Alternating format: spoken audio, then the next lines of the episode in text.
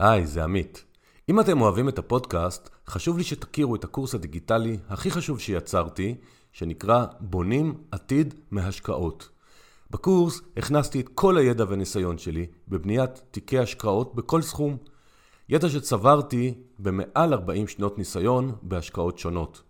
תצאו מהקורס עם כל הידע הפרקטי והמעשי של איך לבנות תיק השקעות הנכון לכם. תבינו יתרונות וחסרונות של כלי ההשקעה השונים, וכמובן שיש בקורס התייחסות גם לשאלה מה עושים עם עודף תזרימי.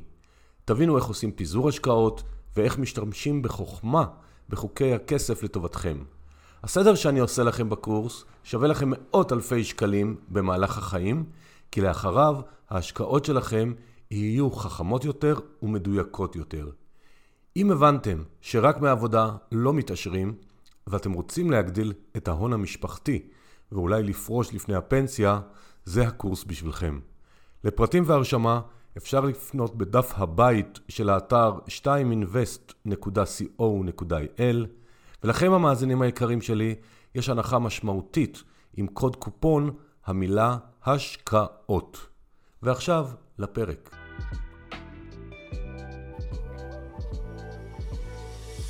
שלום לכולם, כאן עמית אשת, שמח להיות איתכם שוב. אני מזמין את כולם להצטרף לקהילת כסף והשקעות בפייסבוק ולהיות חלק מהקהילה הצומחת שלנו שם. והמרואיין שלנו היום הוא אילן שטרק. שלום אילן. שלום עמית. אילן הוא מנכ"ל אלטשולר הורייזן, הוא מומחה גם לתחומי הבלוקצ'יין, קריפטו והשווקים המסורתיים, ובהמשך לפרק 80 שדיברנו בנושא הזה של אה, קריפטו ו-NFT והמון דברים, הרבה אנשים פנו ואמרו, טוב, תכלס, מה זה ואיך רוכשים ואיך מאחסנים, והיום אילן ייתן לנו סדר. מה שחשוב לי להבהיר זה שכל עולמות הקריפטו וכל מה שנדבר היום הם ברמת תנודתיות מאוד מאוד גבוהה. ומבחינתי בשיחה שלנו אין שום המלצת השקעה או המלצה לביצוע כל פעולה כספית, כל זה מידע בלבד. אנחנו גם מקליטים את הפרק הזה בסוף ינואר שנת 2022. אני לא יודע מתי תאזינו, אולי תאזינו את זה בעוד שנתיים ותגידו איזה שטויות הם דיברו, כי זה באמת עולם חדש. שיהיה לנו בילוי נעים. ואילן, אני רוצה להתחיל קצת בהיסטוריה שלך. אתה עסקת הרבה מאוד שנים בניהול חדרי עסקאות בארץ ובעולם. אתה יכול להסביר לנו מה עשית שם? זאת אומרת, אנשים לפעמים לא יודעים מה זה חדר עסקאות. ועוד יותר מעניין אותי, זה מה גרם לך לרצות לעזוב את העולמות המסורתיים ולעבור לעולמות הקריפטו. אז, אה, אז את דרכי, את הדרך ואת הקריירה שלי התחלתי בשוק ההון המסורתי. אה, התחלתי בתור אה, סוחר ניירות ערך זרים. בתקופה עוד שהייתי סטודנט, בתור uh, סוחר ניירות ערך זרים, בחברה המרכזית לניירות ערך, מה שהיום זה, זה מגדל שוקי הון, בתור סוחר ניירות ערך זרים. שם התחלתי את הקריירה. במקביל גם שכרתי גם מול הבורסה הישראלית, בחלק מה, מה, מהתפקיד, גם נתתי איזושהי uh, תמיכה לבורסה הישראלית, לסוחרים בבקרים, ושם התחלתי להתמחות בכל הנושא של הנכסים הגלובליים הזרים. ובשנת 2000, זה נכנסתי ב-99 לשוק ההון המסורתי, בשנת 2000 עברתי לחברת אוסקר גרוס. אוסקר גרוס היא חברת uh, ברוקרים uh, אמריקאי, קיים עם סניף בישראל. באוסקר גרוס uh, ההתמחות הייתה בייעוץ לגופים מוסדיים. ולקוחות כשירים בכל ההיבט הזה של, של השקעות uh, זרות, בנכסים גלובליים, בפיקסט אינקאם באג"ח זר. Uh, באוסקר גרוס הייתי עשר שנים, כשמתוך העשר שנים, חמש שנים האחרונות, ניהלתי את הדסק הישראלי, הוצאתי גם רישיונות אמריקאים, מעצם זה שהיינו חברת, חברה אמריקאית, הוצאתי רישיונות אמריקאים. במקביל גם הוצאתי רישיון ניהול תיקים ישראלי, ולמעשה זו הייתה תקופה די משוגעת. בבוקר הלכתי ועשיתי התמחות תשעה חודשים, והגעתי בצהריים והמשכתי עד 11 בלילה כל יום. מה שנקרא עבודת uh, סטודנטים, צעיר, נמרץ. באוסקר גרוס הייתי עשר שנים, ב-2010 uh, אה, עברתי לכלל פיננסים ברוקראז', קמתי שם את כל ה... את הדסק ניירות ערך זרים, ממש מסקרץ', מאפס, כי עד אז היו רק שני ברוקרים הכי גדולים בישראל, אוסקר גרוס ואופנהיימר, ואמרתי יאללה, נתנו לי את ההצעה, בוא נפתח עוד ברוקראז' אחד. פתחנו את הברוקראז' הזה, שהוא הצליח, uh, גם פיתחנו את כל הנושא של האג"ח הזר. בסביבות...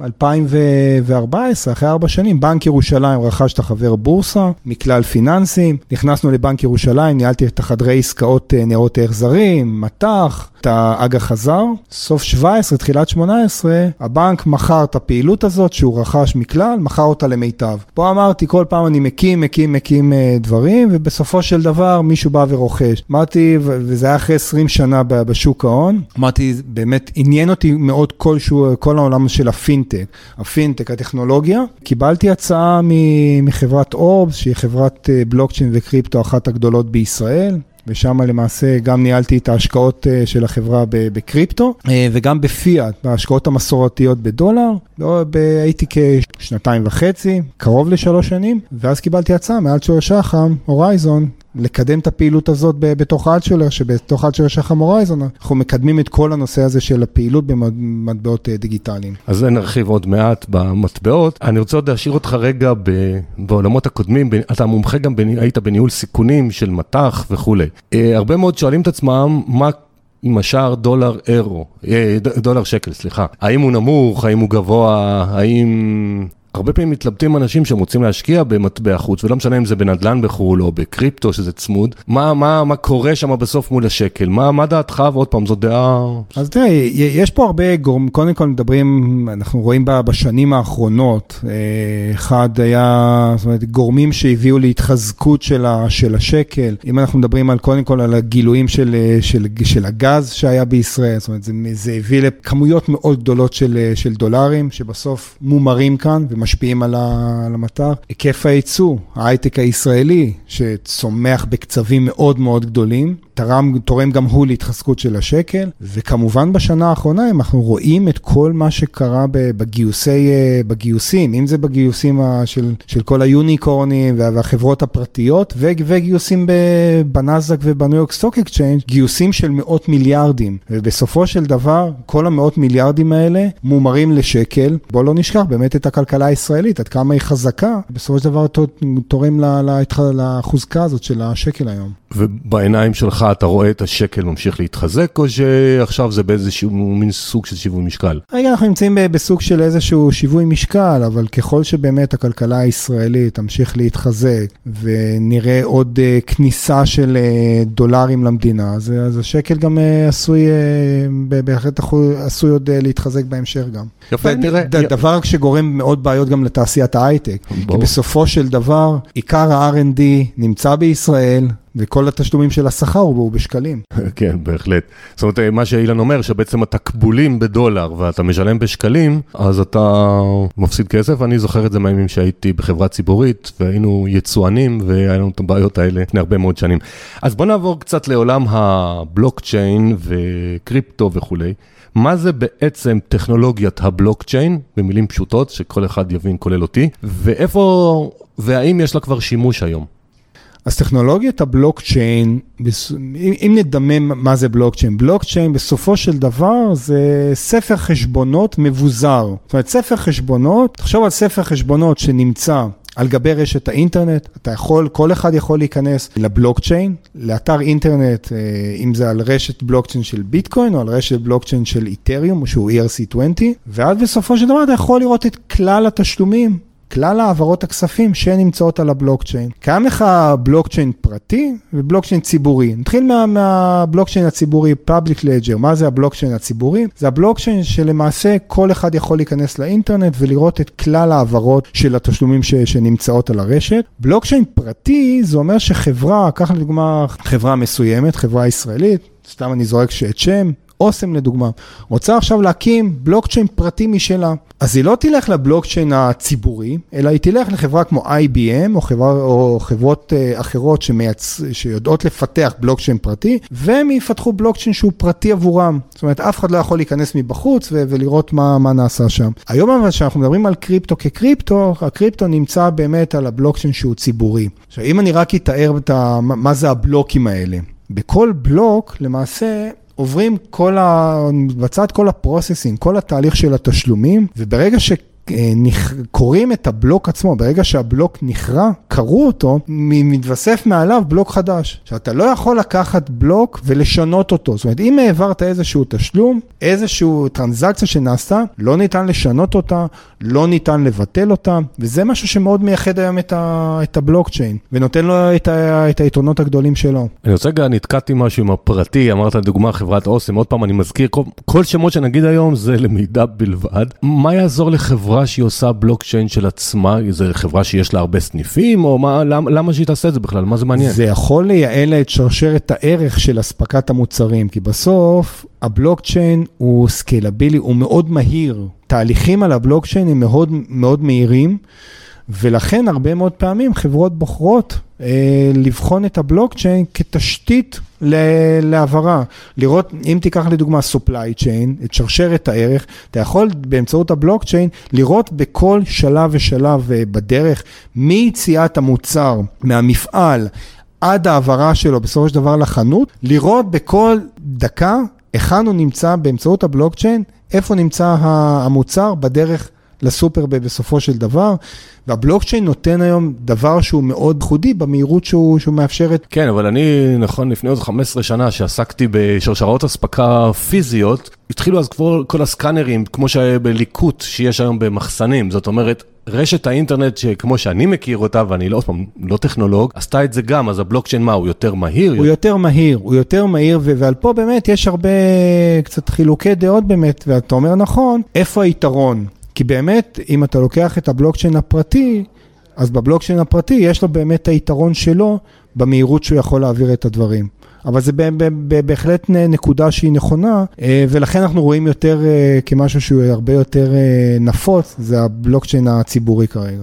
אז אני רוצה להתקדם קצת לעולם המטבעות ועוד קצת לצלול לעולם הקריפטו. אז אתם באלטשולר הורייזן עוסקים בשני מטבעות, ביטקוין ואתריום. עכשיו, יש בעצם אלפי מטבעות, אז השאלה שלי, למה בחרתם להתמקד בביטקוין ואתריום? אז בעד של שחם הורייזון, אה, אנחנו עובדים היום מה שנקרא בשיתוף המערכת הבנקאית, ניגע בזה גם בהמשך, אבל אנחנו הפעילות שלנו היא נעשית באמצעות אה, בנק מתפעל, אנחנו מתפעלים את הפעילות שלנו דרך בנק ירושלים, ובנק ירושלים קבע שאנחנו יכולים כרגע לעסוק בביטקוין ואיתריום. אלה שני המטבעות שהבנק מעוניין שנאפשר אותם.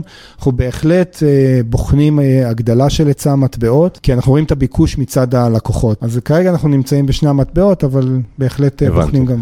אני רוצה לי, מה שנקרא, לדבר רגע על הפיל שבחדר. עכשיו, אנחנו מדברים על פיל של סוף ינואר 22, אני מזכיר למאזינים, אה, אני לא יודע מתי תאזינו ומה יהיה אז, אבל נכון להיום, המחיר, גם הביטקוין, גם בגדול האתריום, זה בערך חצי ממה שהיה לפני חודשיים, שלושה. אז הפיל שבחדר זה התנודתיות הזאת. בעיניים שלך מסביר כזאת תנודתיות שהיא משוגעת, כי לפני חצי שנה זה היה שפל, שיא שפל, ובטווח של שבעה, שמונה חודשים אנחנו פה... אז כרגע, קודם כל, מה שאנחנו רואים כרגע, אה, בכלל את התנודתיות בשוק ההון המסורתי, שראינו את, ה, את הנסדק יורד בלמעלה מ-10% כבר מהרמות שלו, מהרמות הגבוהות שלו. ובהקשר הזה, משקיעים בתקופות האלה, הם ריסק אוף מה שנקרא, הם לא, לא, מוכן, לא מעדיפים להיפטר מהנכסים שלהם המסוכנים יותר, או התנודתיים יותר, וללכת למקומות אה, יותר אה, בטוחים. הביטקוין והמטבעות הדיגיטליים נתפסים, נתפסים כ, כ, כ, כמטבעות עם, עם סיכון גבוה, זאת אומרת תנודתיים מאוד, ולכן ברגע שמתחילה איזושהי אה, ירידה בשווקים, הביטקוין עדיין לא הגיע לדרגת מצ'ור, הוא עדיין לא בדרגה, זאת אומרת הוא עדיין לא בוגר מספיק, על מנת שהוא יהווה מקום אה, כעוגן אה, מבטחים, ולכן אנחנו רואים את זה. עכשיו, מה, מה שכן אפשר לראות בביטקוין, או במטבעות דיגיטליים לעומת השוק המסורתי, שאם אנחנו רק, ואני רק אגע ממש בנקודה, אם, אם אנחנו רואים רואים שבשוק ההון המסורתי סטיות התקן הם באזור ה-10, 20, סדר גודל. בביטקוין ברמות רגועות זה נע בין 50-60, כשהביטקוין מתחיל להיות מאוד תנודתי, ראינו אותו כבר מגיע לסטיות של 80-90 ואיתריום מעל 100. וזה, שוב, זה השקעה שאם מישהו מחליט להשקיע, זה לא השקעה שמתאימה לכל אחד, ולכן האדם צריך בהחלט לבחון את רמת התיאבון שלו, את רמת התיאבון לסיכון שלו. אז על זה נדבר עוד מעט אה, בהמשך, אבל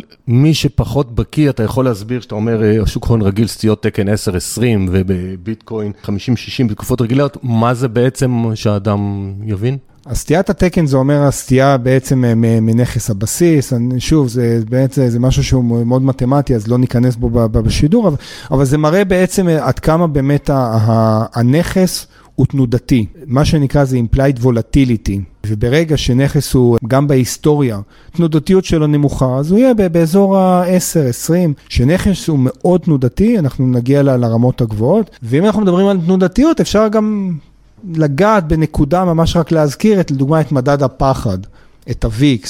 שהרבה מסתכלים על הוויק, שזה מדד הסטיות התקן על ה-S&P 500, שגם הוא בתקופות שהשווקים רגועים, אנחנו רואים את המדד באזור ה-15-20, תקופות מאוד uh, כמו המשבר שהיה לנו ב-2008, או מרץ 2020, אנחנו מגיעים לרמות של 80 ו-90, ששוב, זה רמות מאוד גבוהות של, של, שמראה על הפחד הגדול בשווקים עצמם. גם ה VIX בשנים האחרונות השתנה, ה... מה שקורה שם, פעם הוא באמת ניבא משהו, היום הוא, כולם בטוחים, אבל זה לא הדיון. אבל משהו שאמרת, הוא ברמה מסוימת עלול לאכזב מאזינים, כולל אותי, ואני אגיד מה. בעבר, כשהתחיל הביטקוין והתחיל ההייפ סביבו, אמרו, אין זהב, אין את ה-safety place כמו שהיה פעם עד שרגן, כאילו ביטלו את זה והזהב, ניקסון, שהזהב הוא הנכס זה, ואמרו ביטקוין או מטבעות דיגיטליים יהיו הנכס הזה החסר סיכון הבא. מה שקורה היום רואים קורלציה שהולכת וגדלה בין שווקי ההון, מטבעות הדיגיטליים, אז מה אתה חושב, איך אתה מרגיש בנושא? כי שוב, אני חושב שבאמת אנחנו, הביטקוין עוד לא הגיע והמטבעות הדיגיטליים עוד לא הגיעו לשלב המצ'ור שלהם. עדיין, תראה, ביטקוין יצא לראשונה ב-2009, רק בשנים האחרונות הוא התחיל להיות, אנחנו מתחילים להיות יותר adoption יותר ויותר גדול בעולם, כך שהביטקוין עדיין הוא לא נתפס כעוגן של מבטחים. יש, יש משווים היום את, הרי הזהב, תופסים אותו כ store of value, הזהב הוא, אה, הוא מוגבל במשאבים שלו. כנ"ל גם ביטקוין, יש שרואים בביטקוין, קוראים לו אפילו הזהב הדיגיטלי החדש, מעצם העובדה שביטקוין יהיה רק עד 21 מיליון מטבעות, זה צפוי להיות ב-2140, לא ניכנס כרגע למתמטיקה, אבל אם אנחנו מסתכלים עוד פעם על, על ביטקוין בהשוואה לזהב, אז ביטקוין רואים בו גם כ-store of value, אבל גם רואים בו כ-store of utility, מעצם זה שמתחילים לראות את השימוש במטבע לתשלומים שונים. אבל אם אני מתחיל, עוד פעם חוזר לשאלה, אני חושב שבסופו של דבר אנחנו עדיין לא נמצאים בשלב שהוא mature יותר, שמבינים באמת את, ה, את הערך של, של ביטקוין כ, כמטבע עצמו. אז בוא תמשיך, אז מה הערך שלו בעיניים שלך כמטבע עצמו? תראה, כמטבע עצמו אתה רואה היום, אחד הוא מכשיר שהוא אנטי אינפלציוני. מעצם זה, כמו שהזהב הוא מגן מפני אינפלציה, גם יש כאלה אנשים שרואים בביטקוין גם כמגן מפני אינפלציה, מעצם זה שהוא מוגבל.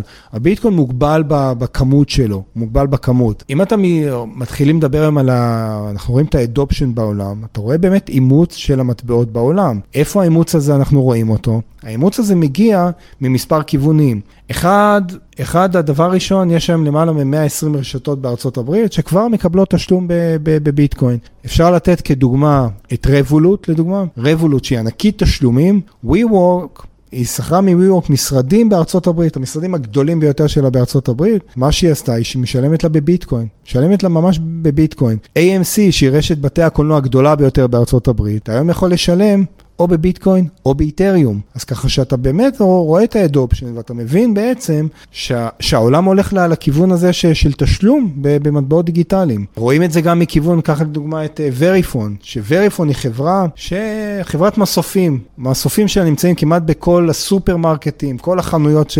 ווריפון חברה לאחרונה עם חברת ביטפיי, שמה שהן רוצות לעשות זה שאתה תגיע עם הארנק הדיגיטלי, תשים אותו במסוף, וביטפיי תדע ישר להמיר את הביטקוין לפיאט וישר תעביר את זה לבית העסק. זאת אומרת, יש פה התפתחות מאוד מאוד משמעותית שקרתה בשנה, שנה וחצי, שנתיים האחרונות. אנחנו לא יודעים לאן זה ילך, אבל אז נחזור רגע לעולמנו הקטן, אה, ארץ ישראל, והזכרת שאתם פועלים כמתפעל בנק ירושלים. אני שואל, בנקים מסחריים רגילים. האם אתה יודע, האם הם מוכנים שלקוח כמוני, לא חברה, כמוני וכמו מאזיננו, יכול לבצע שם פעולות? כי אני יודע שלפחות חלק מהבנקים אסרו את זה עד לא מזמן, אני לא יודע מה מעודכן להיום. אז עד, אה, בוא, בוא נאמר שעד לאחרונה, ההנחיות, ההוראות השעה לבנקים לא היו הנחיות ברורות לבנקים. האם הם יכולים לקבל כסף שהמקור שלו מקריפטו, להוציא כסף אה, לרכישת קריפטו, ולכן הם הערימו הרבה מאוד קשיים, גם בהוצאת כספים וגם כמובן בהכנסת כספים. לפני כשלושה שבועות, המפקח על הבנקים הוציא טיוטה לבנקים, שבו הוא קובע להם את האחד, מנסה להסדיר את הנושא הזה של המטבעות הדיגיטליים, כל הנושא של קבלת והוצאת כספים. אחד הדברים המשמעותיים בהתחלה שהם מדברים עליו, שהבנקים יצטרכו לקבוע מדיניות של ניהול סיכונים, לקבוע מה מפחית סיכון מבחינתם, ומספר דברים שמאוד משמעותיים שמדברים עליהם, אחד זה שהבנק לא יוכל לסרב לקבל כסף שהגיע מגוף שהוא בעל רישיון. אם אתה בעל רישיון כנותן שירותים בנכס פיננסי, הבנק לא יוכל לסרב לקבל את הכסף הזה. רישיון בישראל או רישיון בינלאומי? כי נגיד בייננס, קראקן וכל החבר'ה האלה, יש להם רישיון אמריקאי, אין לנו רישיון ישראלי. אז, אז באחד הם מדברים על רישיונות ישראלים, הם נותנים לבנקים אפשרות לבחון רישיונות זרים, אבל נגעת בבייננס, קראקן בעלת רישיון אמריקאי, בייננס היא הבורסה אומנם הגדולה ביותר. אבל היא לא מפוקחת בכלל, אין לה רישיון, יש, חלק מהמדינות הוציאו אותה מחוץ לחוק, יש נגדה חקירות כאלה ואחרות אה, בארצות הברית, ופה אני חושב שבאמת הבנקים גם עומדים לתת את הדעה שלהם לגבי גופים שהם לא מפוקחים. כי מי שלא מפוקח, גם התהליכים של להכיר את הלקוח אצלו והלבנת ההון אצלו מאוד חלשים. דווקא אצלי במקרה הספציפי שלי, בבייננס עשו לי המון קשיים, קראקן תוך שנייה, זה בדיוק הפוך ממה ש... מי עשה, מי עשה קשיים? הבייננס, כל האישורים שהם ביקשו שאני אשלח להם, ובקראקן ביקשו פחות אישורים וזה עבד יותר... בוא, בוא נאמר, אבל עד לאחרונה, בבייננס, כי תבין, היית יכול עם KYC שהוא לא מורחב, להוציא שני ביטקוין. להוציא שני ביטקוין בלי KYC כמעט... הבנתי. שזה היום זה, זה שווי של מונחים של היום. כן, כן. עשרות אלפי דולרים, נגדיר את זה ככה, ואנחנו נהיה נקיים. כן. אבל מה שאתה אומר זה שהמפקח הוציא בקשה לבנקים שיחוו דעה, זה אומר שבמקרה הטוב עוד חודשיים, שלושה, ארבעה, אולי יהיה החלטה. הוא הוציא הנחיה, לא, יש טיוטה, טיוטה קיימת. לא, טיוטה, אבל השאלה אם הבנק עכשיו יכול לפעול, או שהוא הוציא טיוטה לתגובות. הוא הוציא טיוטה לתגובות, ומרגע, לא, אבל מרגע שהטיוטה הזאת תיכנס לתוקף, יש להם שלושה חודשים להיערך לזה. ולכן אני לא חושב שבאמת, תראה, יש פה באמת כברת דרך ארוכה שבנק ישראל עשה, ויש פה באמת אמרה מאוד מאוד מאוד חשובה, קהל הישראלי. מאוד uh, חושב ב, ב, בכיוון הזה. מכיוון זה שהוא אומר, וואלה, זה, אני מתחיל להסכים שזה יהיה לה חוקי, כי הרי אחת הבעיות היום, שאתה רוצה, גם אם אתה רוצה לשלם מס רווחי הון, אתה לא יכול, כי הבנק לא קולט את זה, זה אחת הבעיות פה. הבעיה שהיא, כן, אני, אני מכיר לא מעט כאלה שהוא מכירה של המטבעות הדיגיטליים, הבנק פה לא מסרב לקבל את זה, נמצא בבנק בשוויץ, הם מדווחים למס הכנסה, יש להם שומה. אז מאזינים יקרים, מי שזה מעניין אותו קצת יותר, הסוגיה הקטנה האחרונה, פרק 62, יש עם עורכת דין, רואת חשבון יגואר גל, שהיא גם היה לה תביעה, אה, ייצגה לקוחות מול בנק מרקנטיל דיסקוט, ושם דיברנו בפרק על כל הסוגיה הזאת, כן אפשר, אי אפשר. בואו נתקדם רגע, אתם עוסקים, עוד פעם לפי האתר, אני, זאת שאלה, אני, גם אם עובדים עם חברת גרייסקייל. עכשיו, גרייסקייל, יש להם מוצרי עקיבה בשווקי ההון. אני לפחות מכיר בעיקר את האלה של האתריום ובביטקוין. וכשאתה מסתכל, נגיד, סתם הסתכלתי על שנת 2021, כמה עשה מה-1 לינואר, 31 לדצמבר, נגיד, הביטקוין, כמה עשה העוקב. אותו דבר איתריום, אתה רואה שהעקיבה היא 50 אחוז בערך. אז זה לא עקיבה, אז תסביר לנו בבקשה מה זה. זה טעות עקיבה.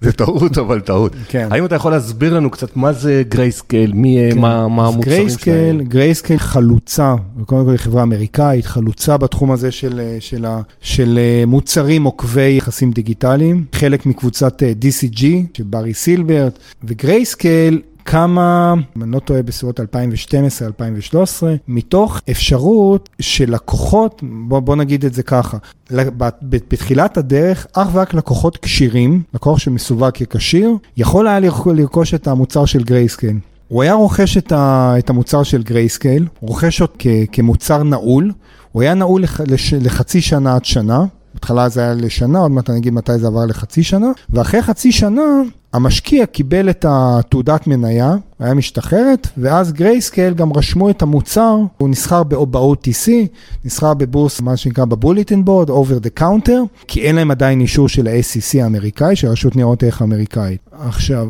תעודות סל, מעצם זה שתעודת סל, ברגע שיש תעודת סל שיש לה אישור, והיא תעודה שיכולה להיות... אה, מאושרת על ידי הרשות ניירות ערך אמריקאית, יכולה לעשות בסוף יום creation ו-redemption, זאת אומרת, יכולה לאזן בין הביקושים לבין ההיצעים, יכולה לעשות יצירות ופדיונות. מה שקורה, מה שקורה בגרייסקייל, אה, שאף אחת מהתעודות עדיין לא קיבלה את אישור ה-SEC, ובגלל שלא קיבלו את אישור ה-SEC, הם לא יכולים לעשות את, ה, את האיזון הזה, את ההתאמה הזאת ב, ב, בסוף יום, ולכן מה שאנחנו רואים זה שאם בעבר גם היינו בפרמיה של אה, למעלה מ-100%, על השווי הנכסי הנקי, עברנו ל, היום לדיסקאונט על ה-NAV, והתהליך הזה התחיל, אפשר לומר שחלק מהסיבות זה אחד, אישורי תעודות סל בקנדה, לא מעט משקיעים כשירים, מה שהם עשו בחלק מהזמן, הם היו רוכשים את המוצר הנעול הזה, רוכשים את המוצר הנעול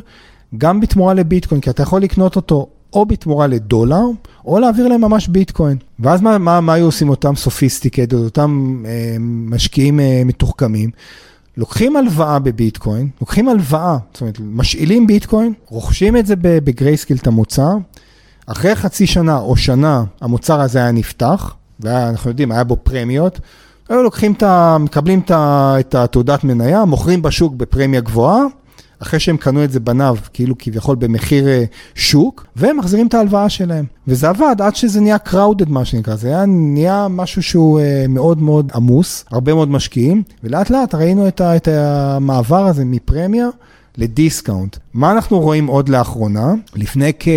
חודשיים, חודש וחצי, אושרה תעודת סל ראשונה בארצות הברית, ה-BITO, שהיא קרן סל שעוקבת אחרי חוזים עתידיים על הביטקוין. את זה, את זה רשות ניירות ערך אישרה. מה שזה גרם גם, וגרייסקייל, צריך להבין, גרייסקייל מחזיקה על כל יחידה שהיא מכרה למשקיע כשיר, היא גם מחזיקה ממש את ה spot, מחזיקה את נכס הבסיס. BITO מחזיקה חוזים עתידיים, ואז מה שקורה בחוזים עתידיים, הם כל הזמן מגלגלים את החוזים, מחודש לחודש מגלגלים אותו. אפשר לומר שגם משקיעים עברו לתעודת סל הזאת, וזנחו את, את, את המוצר של גרייסקל, ואכן אנחנו רואים את, את הפרמיה, את ה discount השלילי הזה. אז תאורטית, אם אני מבין אותך נכון, אם ה-SEC יאשר להם אה, לפעול, אז, אז יחזרו ל NAV המקורי, תאורטית? תאורטית, כן.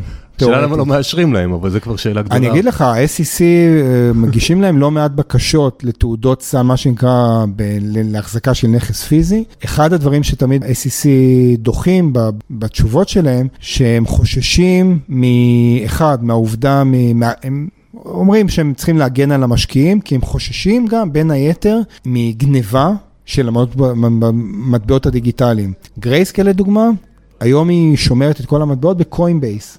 ב custody, יש custodian, משמורן, שם היא שומרת את, ה, את המטבעות הדיגיטליים שלה, ו, ויש להם חשש, זאת אומרת, יש להם חשש. אבל קוינבייס גם חברה ציבורית על פניו, אז יש רגולציה גם על קוינבייס, כן. לא אומר. שלא יהיה גנבות, אבל... אבל קוינבייס, אתה יודע, עשתה listing כחברה ציבורית, בואו תרכשו את המניות שלי.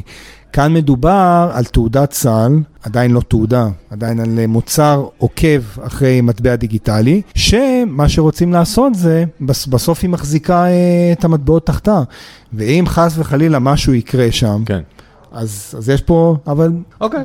לפחות כן. אה, אני מקווה שהבנתם את ה... מה קורה כרגע. אז מי שעוקב אחרי הפודקאסט שלי יודע שאני בדרך כלל לא מרשה פרסומות למרואיינים ואני נמנע, אבל הפעם בחרתי לתת לאילן כן במה להציג את הפתרון שלו, שלהם, כי אני חושב שהוא שונה ויכול להיות שהוא יעניין מאזינים רבים. אשמח לשמוע אה, מה אלטשולר הורייזן, בעצם מה הפתרון שמציעה למי שרוצה להשקיע במטבעות דיגיטליים, ולמי, איזה סוג אה, קהל זה מתאים. זאת אומרת, מסף כניסה ו- וכולי, זאת אומרת. אז אלצ'ר שחם הורייזון, חברת בת של אלצ'ר שחם, חשוב לומר את זה, אנחנו פועלים היום תחת פיקוח של רשות שוק ההון, ביטוח וחיסכון, מלווים באופן צמוד ושוטף על ידי מחלקת ניהול סיכונים, ציות משפטי, הכל של אלצ'ר שחם. אנחנו נותנים, אנחנו מהווים מרכז ידע מאוד גדול. גם לגופי אכיפה בישראל, גם לגופים ממשלתיים וגם להרבה מאוד גופים מוסדיים ו- ואוניברסיטאות.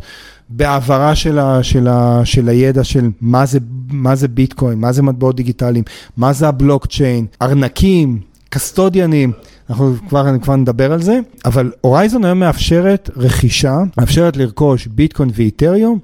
בשיתוף המערכת הבנקאית, אנחנו יודעים לבצע היום רכישה ללקוחות, בתהליך עצמו, למעשה לקוח אה, פותח חשבון בעד של שחם הורייזון, פותח אצלנו חשבון, ועם פתיחת החשבון הוא מעביר כסף מהחשבון שלו בבנק, בבנק, בכל בנק ישראלי, אנחנו עובדים עם לקוחות אך ורק מול בנקים ישראלים, מעביר את הכסף לחשבון של אלצ'ר שחם הורייזון בבנק ירושלים. ברגע שהכסף מגיע לבנק ירושלים, יוצרים קשר עם הלקוח ונותנים לו ציטוט שער רציף. שפה גם אנחנו מאוד שקופים בשערים, כי זה שוק שהוא די פרוץ עדיין, והרבה אנחנו שומעים על תלונות מ- מלקוחות שמקבלים שער במקומות אחרים ולא יודעים בכלל מאיפה הביאו להם את השער הזה. אז אני רוצה ש... בקצב שכולם יבינו, כולל אותי. אז קודם כל אפשר להעביר שקלים, או צריך להעביר דולרים?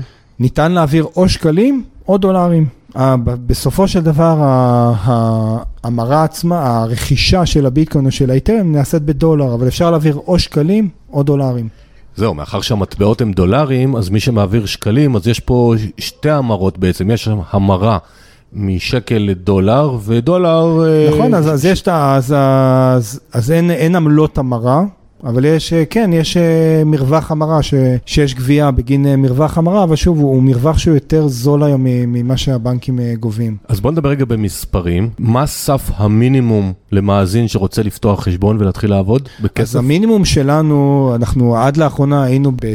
יחסית ב-20 אלף דולר, ביקשו ממני, מאיתנו לרדת, ירדנו ל-10,000, 5,000, וממש השבוע, לאור אה, בקשות מהרבה קהילות של קריפטו, ירדנו ל-2,500 דולר. זהו, כשאנחנו דיברנו בהכנה הייתי מופתע, כי אני ידעתי עוד על ה-20,000 ושירדתם ל-2,500, ואדם שמעביר 2,500 דולר, בואו נשאיר בדולרים, נתעלם רגע מעמלות המרה שקל דולר, ורוצה לרכוש ביטקוין, אתם גם צריכים להרוויח, אז...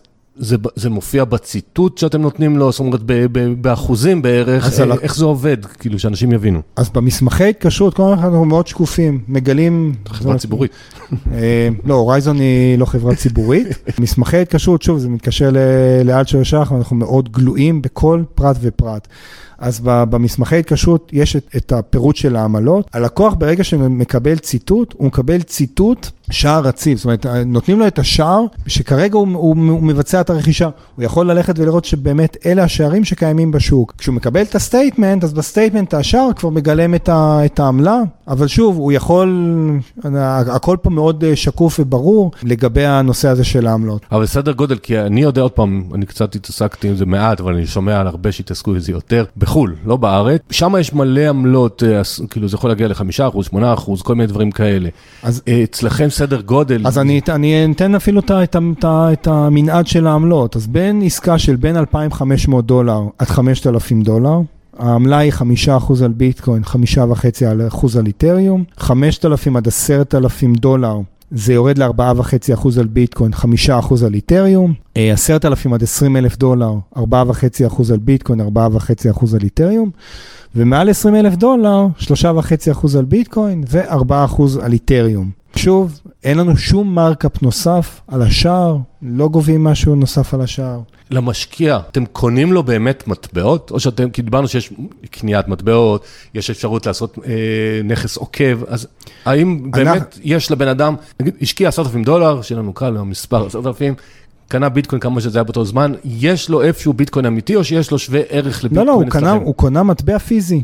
הלקוח קנה מטבע פיזי, ואז יש לו... ואז איפה הוא מאוחסן? זאת השאלה הבאה. ואז יש לו שתי אפשרויות. למעשה ללקוח יש שתי אפשרויות. אפשרות ראשונה, שהוא נותן לנו כתובת של ארנק חדש ונקי, שלו, ארנק פרטי, הוא מצהיר שזה הכתובת שלו. המשמעות שהיא חדשה ונקייה נובעת מזה שביום שהוא יוצא למכור נוכל לזהות את המטבע שהוא רכש מאיתנו. זאת אומרת שאסור לו להכניס מטבעות אחרים לאותו ארנק. זה ארנק נכון. אלטשולר הורייזן. בדיוק, ארנק יהודי עבורנו. אפשרות אחרת שהוא, שהוא אה, מעוניין לשמור את המטבע דרכנו דרך משמורן צד ג', אנחנו עובדים עם חברה אמריקאית מפוקחת. ששומרת הכל, את כל המטבעות בארנקים קרים, בכספות, ככה שזאת אפשרות שלקוח בוחר לשמור דרכנו דרך אותו משמורן צד ג'. מה שחשוב לומר פה גם שאין לנו אחריות ביטוחית אם חס וחלילה משהו קרה שם. יש לחברה האמריקאית ביטוח מוגבל, אבל בסוף ללקוח יש לו את האפשרות הזאת לשמור את המטבע דרכנו. אז בוא תעזור עוד רגע למאזינים, הארנק שהייעודי עבורכם, אם אני מבין נכון, זה נקרא ארנק קר, איך רוכשים, איפה מוצאים, איזה טיפים למאזין, זה עולם חדש. לגמרי. אז הארנקים, יש, בוא, בוא נבחין בין שני סוגים של ארנקים. יש ארנק חם ויש ארנק קר. מה זה ארנק חם? ארנק חם זה ארנק שמקושר לרשת האינטרנט. זאת אומרת, אם זה נמצא על הטלפון, או אם זה נמצא אה, על כל אתר אינטרנט כלשהו, זה ארנק אה, חם. ארנק קר זה ארנק שלא מקושר ל, ל, לרשת האינטרנט. וכאן יש שני סוגים, אחד זה באמת אותו קסטודיאן משמורן שיכול לשמור עבורך, וזה לא מחובר לאינטרנט, או שאתה יכול לרכוש דיסק און קי, רכיב חומרה מיוחד למטבעות אה, דיגיטליים. יש היום שתי חברות שהן המובילות היום, זה לג'ר וטרזור, חברות, אה, חברות זרות, ומה שחשוב מאוד לומר כאן בנושא הזה של הארנק, שהלקוח ברגע שהוא מגדיר את הארנק עצמו, ברגע שאתה מגדיר את הארנק, אתה מקבל סיד, מה זה הסיד? זה צירופי מילים, שזה יכול לנוע בין 20 ל-30 צירופי מילים. המשמעות היא שאתה תמיד תוכל לשחזר את הארנק הזה אם משהו קרה לדיסק און קי, אם הוא הלך לאיבוד או משהו קרה. בסוף, אם איבדת את הצירופי מילים, שכחת את הסיסמאות, אין לך מה לעשות יותר עם הדיסק און קי הזה. ויש הרבה מאוד סיפורים עצובים עם עשרות מיליוני דולרים ועם מאות מיליוני דולרים של אנשים שפשוט איבדו את זה, ולכן אנחנו תמיד, אני תמיד אומר לאנשים ששואלים אותי גם, אם יש לכם את הסיסמאות האלה, בחרתם בארנק פרטי, תדעו להגיד את זה גם לקרוב משפחה שאתם סומכים עליו, שידע איפה זה. אם חס וחלילה משהו קרה לך. שים ליד הצבא.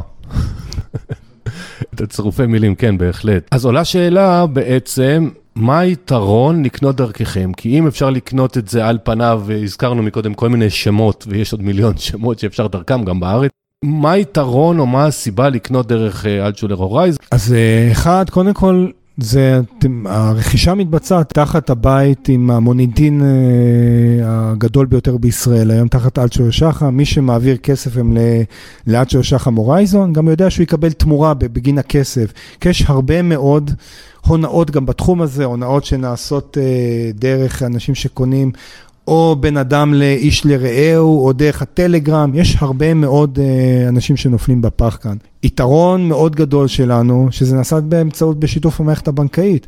אתה רוכש בצורה מסודרת, בצורה מפוקחת, uh, דרך המערכת הבנקאית, אתה תוכל להכניס חזרה את הכסף uh, לתוך המערכת הבנקאית, לתוך אותו חשבון בנק שממנו יצא הכסף. יתרון נוסף שלנו, שאנחנו גם יש לנו... Uh, רולינג עם מס הכנסה, שאנחנו מנקים אה, מס רווח הון במכירה. זאת אומרת, אם יש רווח הון, אנחנו מנקים ללקוח אה, רווח הון במכירה, ובסוף שנה הלקוח גם מקבל 867, כמו בניירות ערך. אז יש לך פתרון A to Z פה, שאתה מקבל באמת, ואם אני גם מסתכל על העמלות, העמלות שלנו זולות יותר מאחרים היום. אז אתה מקבל פתרון A to Z מרגע הרכישה עד רגע המכירה שהכסף חוזר לחשבון שלך, פלוס העובדה שאתה קונה את זה במקום באמת אמין, מפוקח, יציב, מוכר. אז מי שלא מכיר, מושג חשוב שאילן הזכיר עכשיו, זה טופס 867. אתם מקבלים את זה, מי שעושה הלוואות חברתיות, מי שעושה את זה בשוק ההון, יש לכם את זה. אז אם יש לכם שנים של הפסד, שהפסדתם, תשמרו את זה ותגישו הצהרה לשנים הבאות.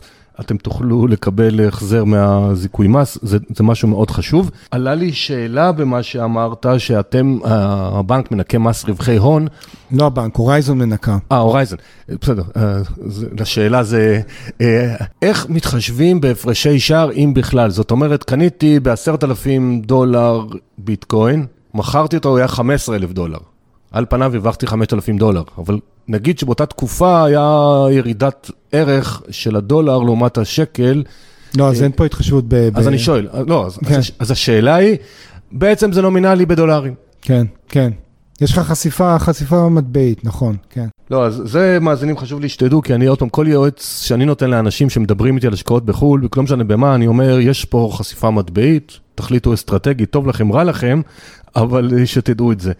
מה שעוד חשוב שתדעו, שאילן נותן למאזיני אה, הפודקאסט הטבה של חצי אחוז ברכישה, יהיה בתיאור הפרק לינק מצורף, או שתגידו שבאתם דרך הפודקאסט כסף והשקעות, ותזכו בהטבה הזאת. כן, הטבה ל- לרכישה הראשונה, כן. בתור אחד שניהל סיכונים והקמת מערכות ברוקראז' וכולי, ואתה מכיר אה, משקיעים, למאזין ממוצע, שאני יודע שאין דבר כזה ממוצע, איזה חלק בתיק אתה חושב מתאים לשים את כל הטכנולוגיות החדשות, קריפטו, ביטקוין וכולי, כי יש המון המון אופציות היום גם להשקיע, אפשרויות, לא אופציות אה, במובן, זה אפשרויות השקעה בחברות שעוסקות במטאוורס ובקריפטו ובבלוקצ'יין, דיברנו על מטבעות. איך אתה מציע ללקוח, למאזין, לשקלל לעצמו, איזה שאלות לשאול את עצמו, מה מתאים אז לו. אז קודם כל ההשקעה הזאת, אה, אנחנו לא נכנסים לייעוץ השקעות, וזה אני חשוב לי להדגיש פה. אה, כי אנחנו לא נותנים ייעוץ אה, ללקוחות שהם לא כשירים, אבל זו השקעה, צריך להבין, זו השקעה שלא מתאימה לכל אחד. היא לא מתאימה לכל אחד. בסופו של דבר, כמו שדיברנו על זה, על סיוורנו את האוזן על סטיות תקן, על תנודתיות, הוא נכס שהוא מאוד תנודתי. נכס שיכול לעלות מאוד חזק, וגם כמו שראינו לאחרונה, גם יורד מאוד חזק. ולכן, כל אחד צריך לעשות את הניהול סיכונים העצמי שלו, ולראות באמת עד כמה הוא מוכן אה, לסכן מההון העצמי שלו. וזו נקודה שהיא מאוד חשובה. כי בסוף צריך, זה, זה, זה נכס שצריך לספג אותו בסיכון גבוה.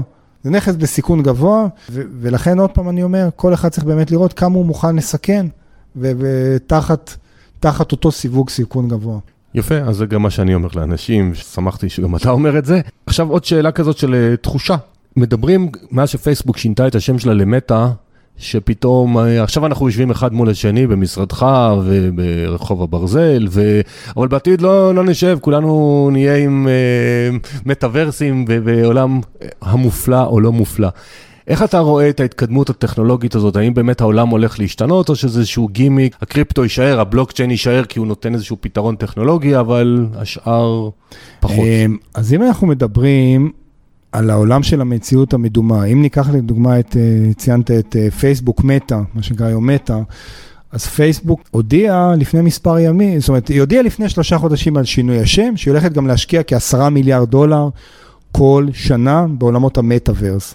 עולמות המטאוורס, המציאות המדומה, virtual reality. לפני מספר ימים יצאו דיווחים שהיא גם עומדת, אה, פייסבוק עומדת, אה, מטא עומדת אה, להציע גם, גם באינסטגרם אפשרות ל-NFT. וה-NFT, בסופו של דבר זה, אגיד את זה רק בש, בשתי מילים, ה-NFT זה למעשה מטבע שהוא אינו בר חליפין, הוא מטבע יחיד שמייצג אומנות דיגיטלית, ומכיל איזושהי חתימה דיגיטלית אותנטית שמקנה בעלות למחזיק בה. זאת אומרת, אנחנו רואים היום NFT בהרבה מאוד מובנים, החל מאומנות דיגיטלית, קטעי מוזיקה, אפילו מדברים אה, על... אה, על ציוצים בטוויטר, ומדברים אפילו, אולי אפילו חלק בנדל"ן, אבל צריך להבין שאתה בונה לך איזושהי מציאות מדומה, זה, זה משהו שבהחלט אה, נכנס פה ל... ל אנחנו רואים את זה מתהווה. קח את חברות כמו וולמארט, נייק, פומה, כולם נכנסות לעולמות האלה של ה-NFT. נייק, רק לדוגמה, רכשה לאחרונה את חברת ארטיפקט. חברת ארטיפקט, מה שהיא עושה, היא יוצרת אה, נעליים, ביגוד והלבשה מדומה. כדי שתוכל לקחת את המציאות המדומה שלך ולהתחיל אה, לבנות בה, לבנות בה, לשים בה אה, אה, תמונות ו, ולהלביש אנשים, תקנה NFT. עכשיו, אם אני עוד פעם נכנס גם, אנחנו ניכנס עוד ויגיד עוד מושג אחד, את הגיימפיי.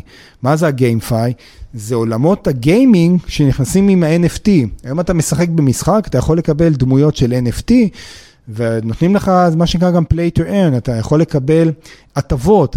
אז אתה מתחיל, אתה, אם אתה לוקח, אתה באמת מסתכל על עולם שלם שבאמת מתהווה פה, אבל הוא גם יבודד הרבה מאוד אנשים.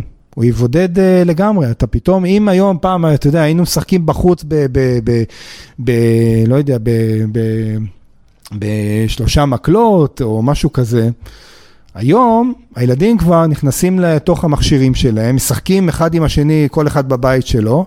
בעתיד בכלל, אתה תהיה עם עצמך, תהיה בתוך המציאות המדומה הזאת. כן, מסקרן. אה, אילן, אה, להשכלה כללית הוא בן 48, אז ככה שתדעו שהוא רואה כבר את הדור של הילדים, לאן הם, הם הולכים.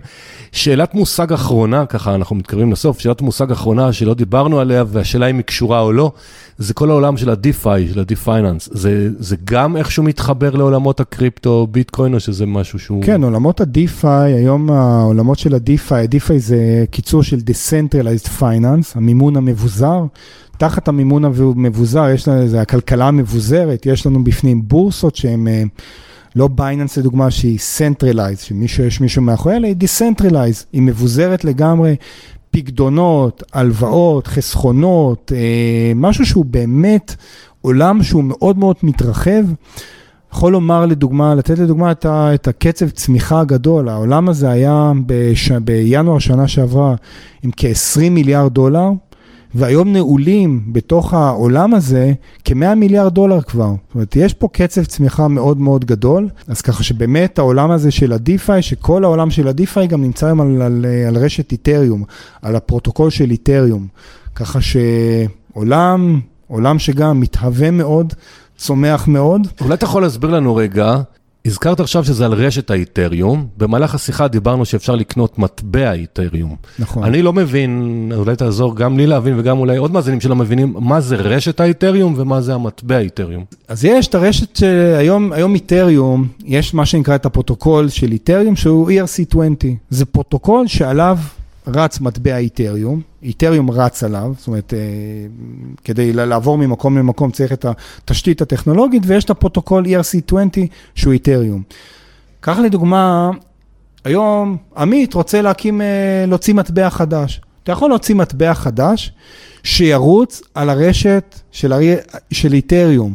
אתה יכול לקחת, במקום שתקים תשתית בלוקצ'יין חדשה לגמרי, אתה יכול לקחת את המטבע שלך, שהוא יהיה second layer, שכבה שנייה, על איתריום. כל עולמות ה-NFT שעכשיו דיברנו, הם רוב, רוב השוק של ה-NFT היום נמצא על גבי רשת של איתריום. גם חלקו נמצא על סולנה, אבל רובו נמצא על איתריום. אה, ואם אנחנו מדברים על, עוד פעם, אני רק אזכיר את ה-NFT, תבינו את המשמעות, כי זה מתקשר לאיתריום. ב-OpenSea, שהיא הפלטפורמת המסחר הגדולה ביותר, ששם נמכרים היום ה-NFT, הקצב, היקף מסחר שם, בארבעה חודשים האחרונים היה עמד על כשלושה מיליארד דולר, בינואר אנחנו כבר על ארבעה וחצי מיליארד דולר, 50 אחוז יותר מהחודשים האחרונים, שגם פה אני אקח שנה אחורה, בינואר שנה שעברה, עמדנו על שמונה מיליון דולר בלבד. ככה ש... והכל רץ על איתריום. כדי להשתמש בפרוטוקול של איתריום, אתה צריך גז פיז, אתה צריך לשלם עמלות העברה. למיינרים, ועמלות ההעברה האלה משולמות באיתרים. הבנתי, וזה עמלות גבוהות, ולכן שאלתי מקודם על העמלות, כי שם זה... כן, עכשיו פה, אם אני רק, אני שנייה חוזר לשירותים של הורייזון, ממש בנקודה אחת, אז באמת ה, יש לנו פעילות מאוד נרחבת בקנייה ומכירה של אה, מטבעות דיגיטליים. יש לנו גם ייעוץ ללקוחות כשירים היום, שאנחנו מייעצים ללקוחות כשירים, אחד, באלוקציה, כמה ביטקוין, כמה איתריום, מתי, מתי הם יכולים אה, להיכנס, גם גידור, אנחנו עושים להם, מייעצים להם איך לגדר את התיק נכסים אה, הדיגיטליים שלהם באמצעות אה, אופציות על ביטקוין ואיתריום. דברים שבאמת מתקדמים מאוד, אבל שוב, זה רק אך ורק ללקוחות שהם כשירים. יופי, אז הגענו לשאלה האחרונה, שהשאלה האחרונה שאני שואל כל מרואיין היא, תן לנו בבקשה שלושה טיפים פרקטיים לחיים. זה יכול להיות דברים שדיברנו עליהם, תחדד, או דברים שאתה חושב שחשובים ולא שאלתי. אז קודם כל, וזה אני גם תמיד אה, לימדתי, הרבה, לשמחתי גם הרבה דורות של סוחרים עברו דרכה, דרכי בעבר, היום מנהלי השקעות בכל מיני מקומות, בגופים מוסדיים. קודם כל, תהיה ישר עם הדרך שלך המקצועית. תהיה ישר ב- בדרך שלך, כי בסוף היושרה שלך היא זאת שתביא לך גם את הביזנס בסוף. תהיה ישר, אתה גם תקבל, אה, בסוף הביזנס יגיע אליך. אז יושרה מקצועית כמובן זה, זה הדבר הראשון. אה, דבר נוסף לחיים, תהיה בן אדם. תהיה בן אדם, תהיה בן אדם לאחרים, איש לרעהו, תתייחס לאנשים בצורה, אה, בצורה מכבדת. שני דברים מאוד חשובים, שאני לוקח איתי תמיד, גם בפן המקצועי וגם בפן האישי. ושלישי, אם אני אלחץ משהו ככה באינטואיציה? שלישי, לעשות ספורט.